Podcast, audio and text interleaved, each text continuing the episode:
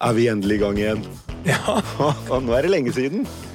ja øh, men jeg har gleda meg veldig til at vi skulle starte opp podkasten igjen. Det er bare en av mange ting som tyder på at vi går mot mer normale tider. Litt Ja. mindre alvor, litt uh, Litt mer senkede skuldre, litt mer Ja, men sånn- optimisme. Ja, 10-11 uker siden så følte jeg liksom ikke for verken å legge ut uh, endelig mandag eller gjøre podkast, for da smalt det så brutalt i sikringsboksen Ja. at lyset gikk. Ja. Det har vært eh, en utrolig krevende tid for mange. Vanvittige måneder Ja. som har gått. Du og jeg har jo hatt én pod siden vi sto her i studio sist, og det var jo på hovedkontoret ditt, og det var jo en ganske sånn dyster og øh, kjip pod, egentlig, hvor du var eh, et stykke lenger ned enn du er nå, og snakket om de utfordringene Choice-kjeden sto oppi. Ja, og jeg syns ting ser litt bedre ut nå. Ja. Og det skyldes også at vi begynner å Både vi, vi har litt mer kontroll på covid-19 eh, i samfunnet som helhet, og i Norden. eh, uten at vi bør gå inn på detaljdiskusjon om de nordiske landene og litt forskjellige strategier. Eh, og så har vi mye bedre kontroll i selskapene.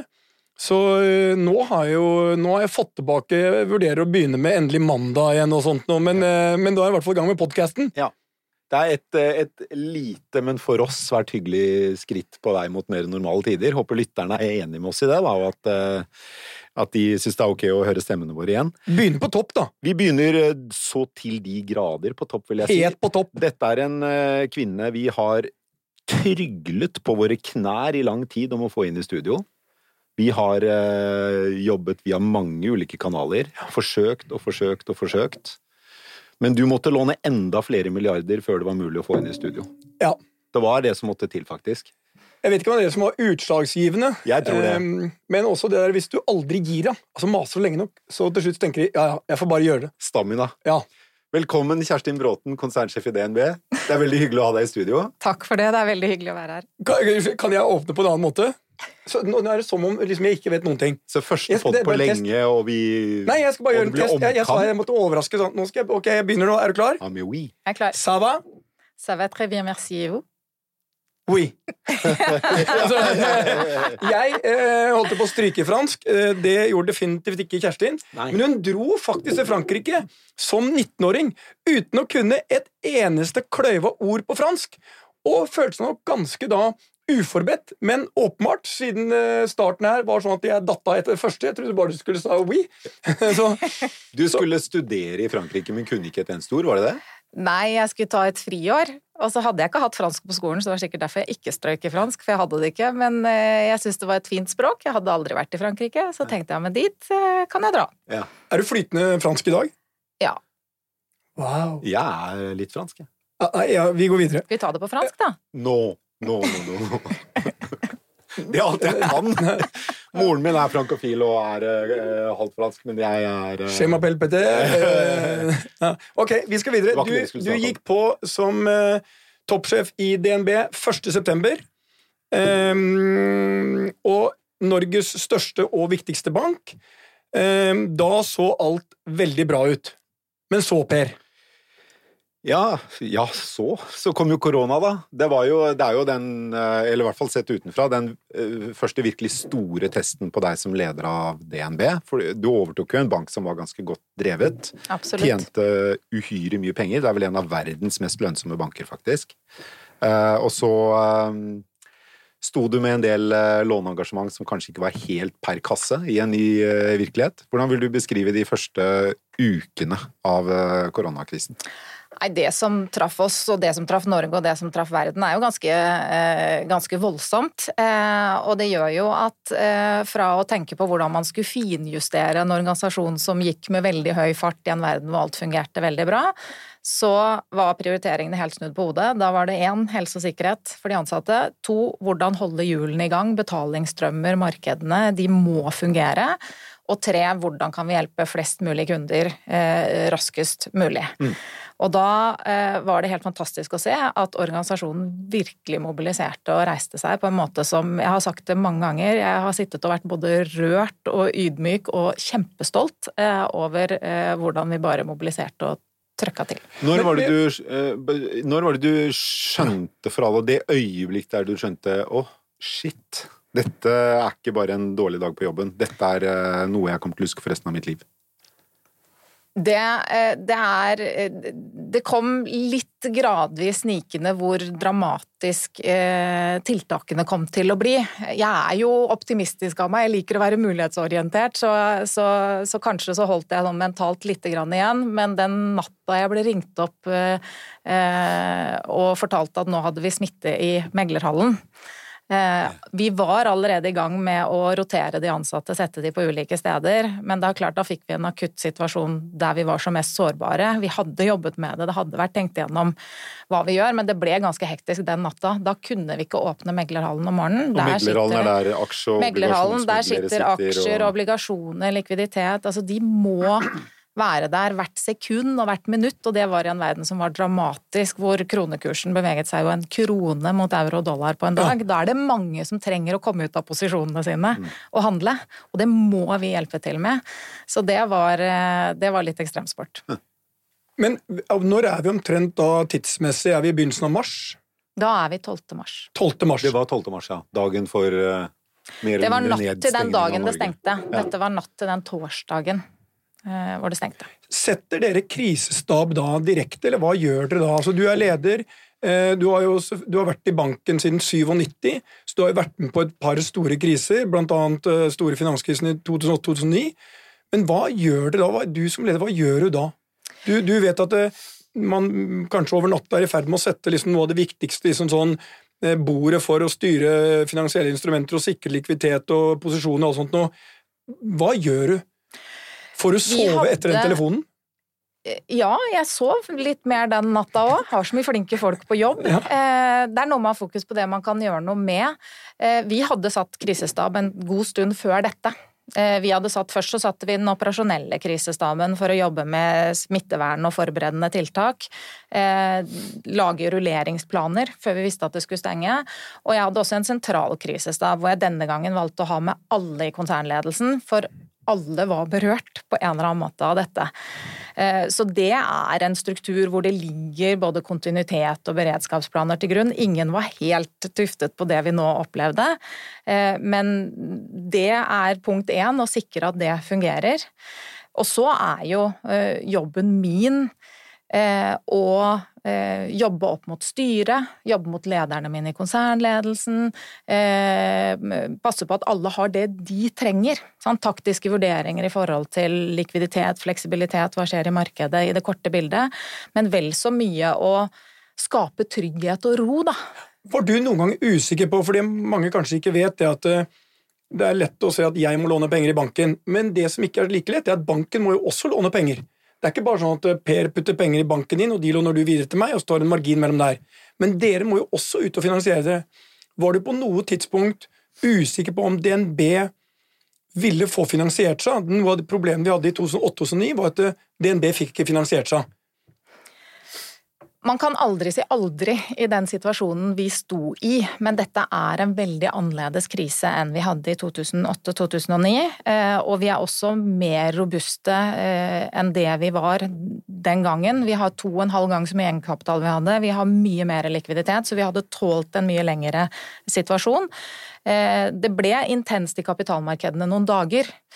Hadde det vært en situasjon som hadde vedvart, så er det klart at da blir det som, som dere. Hvis aldri gjestene kommer inn på hotellet på et mm. tidspunkt, så er det slutt. Men vi bor altså i eh, en av de eh, sterkeste økonomiene med eh, mest mulig verktøy i kassa. Eh, vel, et veldrevet samfunn og en organisasjon. Vi er en av Europas mest solide banker. Nei, eh, jeg var ikke nervøs for det. Var du um Eh, fordi det var vel en del ting du da ikke rakk å gjøre, som du gjorde på en helt normal arbeidsdag før korona. Hva er det du prioriterte bort ganske tidlig? Det som jeg prioriterte ble jo nesten litt gjort av seg selv, for jeg havnet jo i karantene. Eh, og da ble jo alt Jeg er jo mye ute på arenaer med kunder, medarbeidere, på reiser. Eh, beveger meg mye rundt. Alle de planene ble jo lagt på is. Eh, så ble hverdagene mine gjennom skjerm og telefon å snakke med de jeg eh, trengte å snakke med der og da. Eh, organisasjonen, lederne mine, styret, eh, ulike arenaer for å gi innspill til myndighetene, det tok hele, Ja. eh, hele kalenderen. Ja, nettopp. Så du satt foran PC-en og i telefonen hele dagen og gjorde egentlig ingenting annet enn det? Nei, helt riktig. Jeg rakk å spise både lunsj og middag med familien. Jeg stakk oppom, jeg har kontor i kjelleren. Eh, Men utover det så var det det dagen gikk Ja. til. Hvor lange var dagene dine de første dagene? Jeg satt nok fra sånn halv åtte til elleve, kanskje, i den fasen, da. Men utrolig effektivt. Altså, jeg må innrømme at jeg fikk nesten litt rush av hvor effektivt det var, fordi at jeg snakket med mennesker på mange steder, både i inn- og utland. Og det bare slo meg, jeg hadde jo ikke rukket å snakke med halvparten hvis jeg skulle løpt rundt fysisk og tatt en kaffe og få sagt disse tingene. Så, og da var det viktig at det gikk fort. Ja. Men det er litt deprimerende med hjemmekontoret òg, sånn over langen? Er ikke det? Ja, så jeg har vært så heldig at jeg beveget meg tilbake til Bjørvika når, når, eh, når, når karantenen var over. Og jeg tror, eh, tror eh, Det er veldig mange som har lyst til å komme tilbake på jobb nå. Ja. Jeg tror noe av det mest oppskrytte i korona er hjemmekontorets fortreffeligheter. Og de som tror at hjemmekontoret er den nye jobben. Det staves med GJ. Men altså, jeg, jeg, jeg har savnet folk veldig. Ja. Ja, altså det å, liksom, energien man får, eh, entusiasmen og motivasjonen man får, arbeidsgleden man får av å jobbe med andre mennesker. På eh, alle sine ineffektive måter så er det så utrolig Men vi må, vi, må, deilig. vi må inn i det harde bankjobben og i i det som er prioriteringene. Fordi det er jo sånn Vi vet jo at leger de eh, prioriterer litt hvem som skal leve og hvem som skal dø at the end of the day. Ikke sant? De, det. Men det man ikke tenker på, litt sånn er det også med banker. Dere har jo også en prioritering.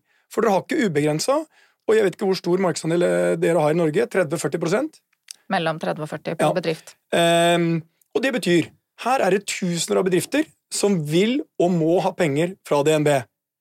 Hvem skal bestemme hvem som får og hvem som ikke får? Og du er litt da legen. Hva ligger til grunn for liksom Hvordan vurderer dere hvem skal få, og hvem skal ikke få? Det er jo faget vårt i bunn. Eh, For det første så er det viktig å si at denne situasjonen som traff oss nå, er helt ekstraordinært, og der har det handlet om ak akutthjelp i en første fase, hvor virkelig ambisjonen har vært å hjelpe så mange som mulig. eh, Og myndighetene har stilt opp med viktige tiltak for å legge til rette for eh, at det kunne la seg gjøre.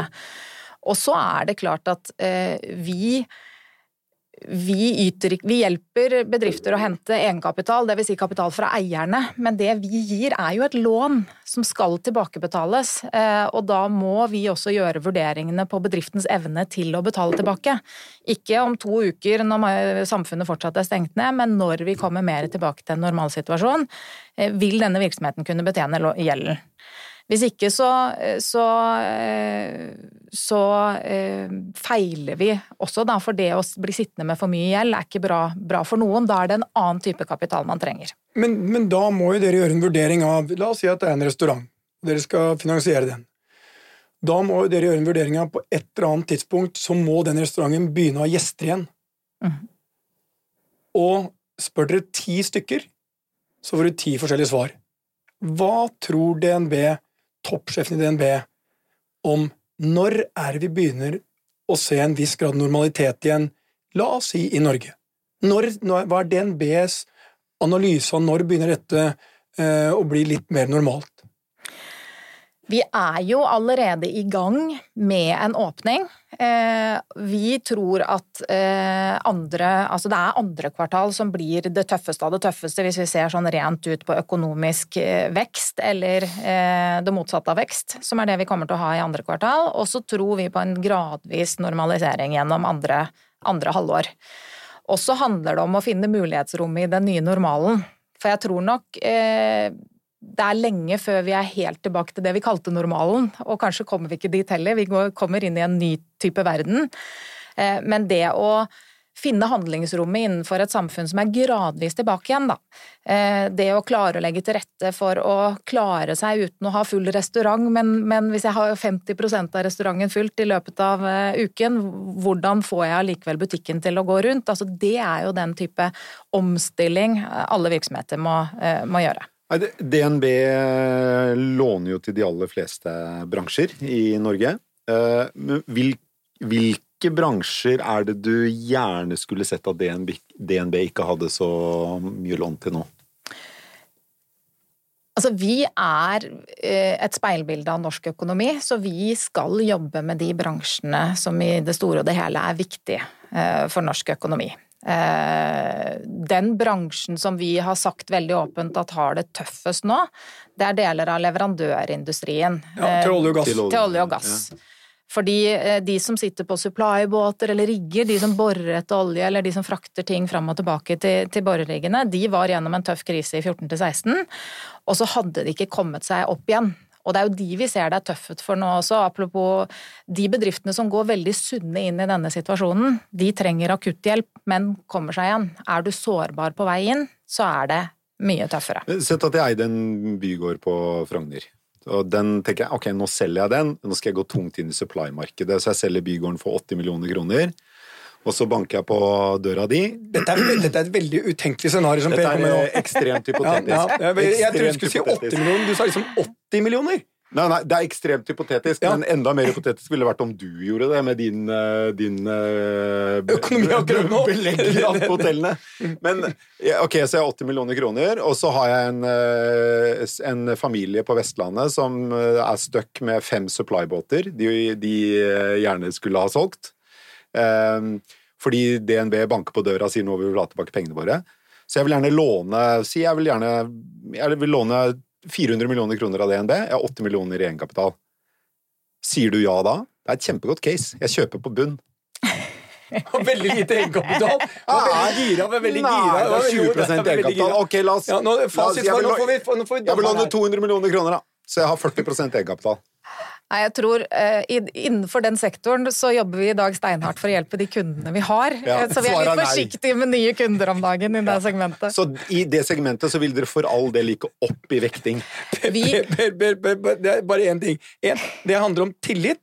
Og hvor mye du kan om virksomheten. Ja, ja, ja, Nei, men Så svaret er liksom- nei, du vil ikke øke lånene til den bransjen nå. Det er nok riktig. Vi har faktisk siden krisen nest halvert eh, eksponeringen vår til den bransjen. Fordi vi hadde litt for høy konsentrasjonsrisiko. Vi Ja. må styre i totalen, så vi har mindre enn 2% av utlånene våre til den bransjen. Så vi, det håndterer vi helt fint. Hvis jeg heller ville kjøpe næringsbygda, Da er det mulig å få lån. da kan jeg få lån. Når vi er ferdig med eh, Persis nye privatøkonomi, eh, så kan vi gå lett videre. Det er sånn, en, Du er jo inne på et interessant ting, for vi treffer jo med korona, og så treffer vi en oljepris som totalt kollapser, og valutaer som eh, altså, Plutselig var danskekrona liksom 150 mot eh, norske altså, Det gikk jo helt uh, veggimellom en periode. I den perioden hvor du får på mange måter flere stormer samtidig, og du sier dere må prioritere um, Banken nå tar jeg litt før jeg kommer, så har jeg vært igjennom en sånn uh, riggkrise før, blant annet, og en del sånne kriser, som du må ha et veldig langt perspektiv på at kommer tilbake, og kanskje kommer det aldri tilbake. Er det, hvordan, bare, hva er bankens resonnement da, hvis det liksom begynner å ta fem år? Du ser liksom at det er en, struk, det er en mer sånn strukturell sak. Banken har jo gått inn og tatt over noen selskaper. Det, Kid uh, var vel en av de, og eh, Nille. Nille var en av de, og de, dere har vært inne. Er, bank, hva, hvilke vurderinger gjør bankene på om skal vi hjelpe dem, eller skal vi ta over? Altså skal, vi, skal banken bli eier? Det siste, ønsker vi helst å unngå. Eh, samtidig så må vi eh, som bank også være forberedt på å gjøre det i noen situasjoner når ikke det fins andre, andre løsninger. Men i utgangspunktet for oss, vi har en tilnærming, vi snakket om det, vi er et speilbilde av norsk økonomi. Vi jobber med norsk næringsliv på lang sikt, og det betyr å jobbe med virksomheter på vei opp, men det betyr også å jobbe seg gjennom eh, tøffe, eh, tøffe tider. Eh, og finne gode løsninger på det. På et tidspunkt eh, i en sånn situasjon så trenger du at, eh, at det, kommer løsninger til hvor banken bidrar og eierne bidrar. Kanskje har du ikke eier der som har, eiere som har evne eller vilje eller ønske om å bidra mer. Og da er det klart at da blir det en siste utvei for oss å ta over, men da vil vi fortest mulig forsøke å finne nye eiere til den virksomheten. For vi driver bank, vi driver ikke Planlegger dere for det? Å overta en hel flåte med supply-skip skip eller rigger nå? Har dere liksom noen vi har, folk dere Vi har konvertert deler av gjelden for noen av disse kundene på et tidligere tidspunkt til, til eierandeler. Eh, det gjorde vi sist nå med, en, med, et ganske stort selskap hvor vi tok en større eierandel. Så der mm. sitter jo bankene med i sum over halvparten av selskapet for en av disse store, store rederiene. Og, og, da er målet å komme seg fortest mulig ut, eller hva er, det, liksom, hva er ønsket uh, resultat av det? Dere har ikke lyst til å forbli eier i disse selskapene? Har dere? Nei, vi ønsker å komme uh, raskest mulig uh, ut, men vi ser at selskapet trenger mindre gjeld for å kunne komme på fote, og da blir det en måte å forsøke å beskytte igjen våre eieres verdier Eh, når dette forhåpentligvis går eh, bra, at man, sitter, at man, får noe igjen i det fordi man sitter som eier. Men eh, Det, det eksempelet der var vel en ganske berømt fisker som også ble med videre? Er det det eksempelet du sikta til? Det kan hende det er det eksempelet, ja. ja. Men hvor viktig er det for dere at det, har, at det er en sånn person som åpenbart er kvalifisert? Stiller banken da krav til at skal vi gjøre vi dette, så skal du gjøre dette? Det er ofte sånn, det, blir jo som enhver forhandling, eh, men du peker på noe veldig viktig. fordi Vi ender ofte med å snakke om penger, men vel så viktig er det hvem det er som, som sitter ved roret, og som evner å ta de beslutningene, de valgene, og drive det gjennom for at dette skal gå bra. Eh, det hjelper ikke med penger hvis ikke man har kompetansen eh, til stede. Eh, så det betyr mye. Jeg skal gjøre det litt kleint i rom her nå. Fordi eh, DNB er jo den desidert viktigste långiveren til eh, Petter og Choice. Har dere på noe tidspunkt hatt diskusjoner i banken om Nei, skulle vi la Choice fare? Er det verdt noe uten Petter? Hva sier Petter hvis vi sier nå gidder vi ikke mer, du får ikke mer lån? På det tidspunktet da dere bestemte dere for å tilføre ny likviditet til Choice i koronakrisen, hadde dere de diskusjonene da? Det, det, det, det, er alle spørsmål. alle spørsmål. Her er vi venner, og så skal du liksom Du alltid ja, ja. Jeg varslet at jeg kom til å gjøre det litt kleint i rommet. Jeg har lyst til å si at uh, måten du snakker om det på, da, den, den, den stemmer ikke. Uh, Nei, ok, men Fordi den... det, er, det, er ikke, det er ikke det som blir rammen for en sånn Eh, for en sånn vurdering. Eh, vi snakker ofte om at vi må prioritere og velge, men det er jo tuftet på, eh, på hva vi tror om virksomheten, og hva vi tror er mulig, mulig å få til.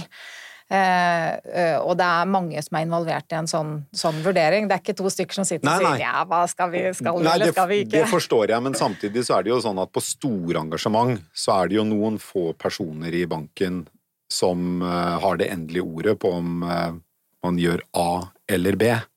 Og da er det jo ofte ned til personlige vurderinger, basert på mange analyser, riktignok, men det er ned til deg og noen få andre kanskje på om vi skal la Petter eh, drive hotellkjeden eller en eller annen rederfamilie fortsette å drive supply-skipene sine, eller ikke.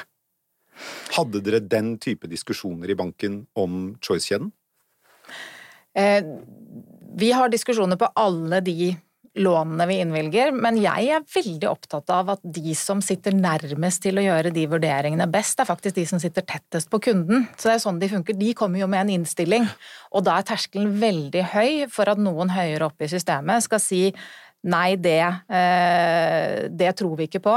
Så vi velger å gjøre eh, annerledes. Kan fortelle lytterne at Petter nikker ivrig på siden. Nei, ja, men det, er jo, det, er sånn, det høres ut som liksom, det er en som sitter der og deler ut liksom Her får du det, og du, du Det er ja, nei. Det er jo ikke sånn. Det er en eh, det er noen som, det begynner på et nivå, man legger fram analyser og legger fram ting, og så blir det vurdert, og så, så har banken en saksbehandling og så innstiller de overfor en kredittkomité, og i den kredittkomiteen så sitter en god del mennesker, eh, også fra bankens sentrale ledelse, og så kommer sakene opp der, og så får du et ja eller nei, eller korrigeringer og spørsmål og sånne ting. Så det er jo ikke sånn at, eh, Og da tipper jeg at den vurderingen som skjer, er at man ser på historikken til selskapet. Hvordan har dette sett ut, og hva tror vi? Tror vi at dette selskapet fremover, når korona er over, kommer til å ha livets rett, eller tror vi det ikke? Hvis svaret på det tror vi ikke på, ok, glem det, da putter vi ikke mer penger der. Tror vi på det, da putter vi mer penger. Og det er som jeg sier, det, det akkurat jeg tror ikke banken heller vurderer for én enkelt person liksom, hva om liksom, eh, jeg betyr noe ikke. Men systemet, av systemverdiene Torgeir, Katalin, Daniel, Bjørn Arild, Lisa det er, det er, ja, liksom er, skal, vi, skal, vi, ta vare på systemet, eller skal vi ikke tro vi på systemet eller ikke? Mm. For jeg kan jo teknisk sett få en takstein i huet, og Choice vil jo gå videre uansett. Vi har jo vært borte fra virksomheten og Gunnar var syk i to år. Og jeg tror banken gjør en helhetsvurdering av alle parametrene og sier dette skal vi være med. Men så du kan si på en rar måte så er banken førstelinjen. De er de som først får problemene. Så blir det et samfunnsproblem, og så liksom eh, til slutt så hvis ikke dette går bra og banken får problemer, så må, eh, som, som skjedde i 2008-2009, så må myndighetene inn og hjelpe banken for at de skal fortsette. Ellers så går jo altså Samfunnet er avhengig av bankene. Mm. Men jeg skal stille en helt annet spørsmål når jeg er ferdig med disse saksbehandlingsgreiene fra Per. Eh, hvis du skulle gjort et helt annet valg Du kan begynne om igjen, Kjerstin, og du kan ta utdannelsen din om igjen, du kan gjøre alt. Hva hadde du valgt? Og nå har du helt blanke ark og fargestifter. Hva ville du valgt? Hva ville du studert? Først, Du har åpenbart studert økonomi. Det, jeg har ikke ja, engang sjekka det. Studert, ja, for du har vært finansdirektør og alt mulig. Så og jeg hadde ingen tanker om hva det var jeg skulle holde på med. Eh, men eh, Nei, altså jeg liker å eh, Min måte å si det på er at jeg liker å drive butikk. Og det har jeg nå fått lov til å gjøre på en veldig spennende arena. Men jeg, så jeg har ikke noe sånn det ene jeg ville gjort. Men det å, det å drive med noe og være med på å skape verdier, da, det har jeg vokst opp med. Så jeg tror det må være et eller annet i Eh, i, eh, i, næringslivet. Men eh, bank, som jeg oppdaget har vært der lenge, men det var ikke sånn at jeg hadde en, en barndomsdrøm om å gå inn i bank. Det er veldig tett på pulsen til næringslivet, da. Du var en internkandidat. Når Rune Bjerke gikk av, så skulle en ny konsernsjef på plass. Og det ble jo da en intern, som vi sier. Søkte du, eller ble du kontakta? Eller kom Rune til deg og sa Kjerstin, du må søke. Det, Her trenger du ikke å være helt ærlig. Altså, kan, Nei, jeg skjønner det, du må Det er styret som, eh, som, ansetter etterfølgeren, så eh, det var de som kom og spurte, men de spurte meg De spurte om jeg var villig til å Eh, være en kandidat, som de spurte mange andre. Mm. Og det var helt åpent for alle oss. Eh, eh, vi ble vist tillit, vi som satt i ledelsen, i forhold til å få vite at her ble det kjørt en prosess for å finne en etterfølger. Da. Og det var en bred prosess med både eksterne og, og interne. Men hadde du lyst med en gang? Nei, jeg måtte eh, eh, jeg, jeg, måtte tenke litt eh, la, la det synke litt. Wow. Og, og, og, og, forberede meg litt. Men så var det ikke så, så var det ikke noe tvil. Det er jo Norges mest spennende jobb for meg. Ja, og du har jo vært rangert som Norges mektigste kvinne nummer én, og så datt du ned til nummer to. Jeg vet ikke hvem som er nummer én, sikkert Erna nå. Så du er jo ifølge da Kapital en av de viktigste og mektigste vi har i landet. Har du hatt noe øyeblikk i, under koronakrisen hvor du har tenkt åh, jeg skulle ikke ha tatt den jobben? Nei. Overhodet ikke. Ingen. Det, ikke, det er, ikke, glimt engang av den følelsen? Nei, ikke glimt av det. Mm. Vet du hva, jeg syns det har vært eh, det, jeg, jeg, har ikke hatt den følelsen i det hele tatt. Og, tenk, og, noen har sagt 'å, tenk å få dette så tidlig'. Jeg fikk et halvt år før dette traff. Det er en av de tingene med å ta en sånn jobb. Det er derfor jeg tror det er viktig å tenke seg om eh, hva, eh, hva, det er, hva det betyr å ha en sånn jobb. Men eh, jeg har aldri opplevd det vi holder på med mer meningsfylt enn det jeg har gjort i disse ukene, og det kjenner jeg at gjelder så mange av de ansatte òg. Vi klarer å hjelpe så mange. Det har stått høyest på agendaen, og det er en utrolig tilfredsstillende jobb å få lov til å gjøre. Kjerstin, før vi runder av, jeg vil tro at en eh, viktig del av din jobb eh, nå, også etter at den mest intense perioden av koronakrisen er overstått, er å snakke med kunder eh, av banken. Hvilke hvordan Altså, hva er liksom tilbakemeldingene fra dem sånn jevnt over, og hvor På hvilke områder er det du opplever at skoen trykker aller mest ut hos kundene til DNB nå? Ja, Det er som et eh, helt fargekart å snakke med kunder om dagen. For jeg har snakket med mange, og helt bevisst innenfor veldig mange ulike bransjer. Eh, noen eh, har det travelt. De som jobber med videoutstyr til eh, kommunikasjon, har det travlere enn noen gang. De som er innenfor olje- og gassleverandørindustrien, har det krevende. De som driver hoteller, har opplevd at hele grunnlaget ble borte bort over natten.